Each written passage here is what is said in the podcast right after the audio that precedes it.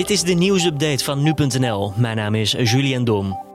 En voor dat belangrijkste nieuws gaan we meteen naar Amerika toe. Want het Amerikaanse ministerie van Defensie heeft ruim 1600 militairen naar de hoofdstad Washington DC gestuurd.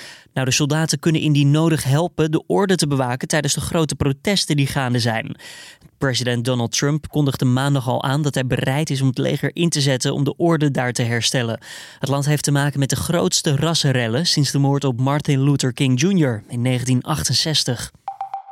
De Amsterdamse burgemeester Femke Halsema zegt dat de informatiepositie niet goed was vooraf aan de druk bezochte demonstratie op de Dam afgelopen maandag. Bij het protest in Amsterdam waren uiteindelijk zo'n 5000 mensen aanwezig, terwijl de driehoek rekende op slechts 250 personen. Verschillende partijen in de Amsterdamse gemeenteraad hebben een spoeddebat aangevraagd. Door de drukte was het namelijk niet mogelijk om anderhalve meter afstand van elkaar te houden. Het percentage bloeddonoren met antistoffen tegen het coronavirus is licht gestegen naar ongeveer 5,5 procent.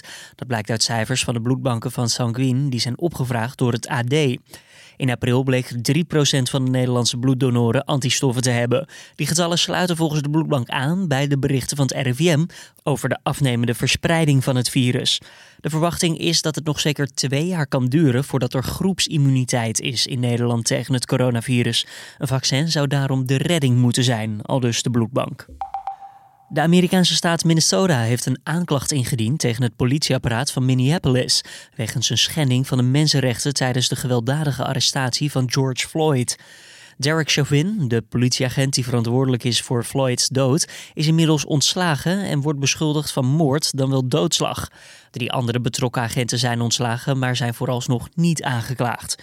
De gouverneur van Minnesota laat weten dat een mensenrechtenorganisatie onderzoek zal doen naar het beleid, de procedures en de praktijken van de politie in de stad in de afgelopen tien jaar tijd.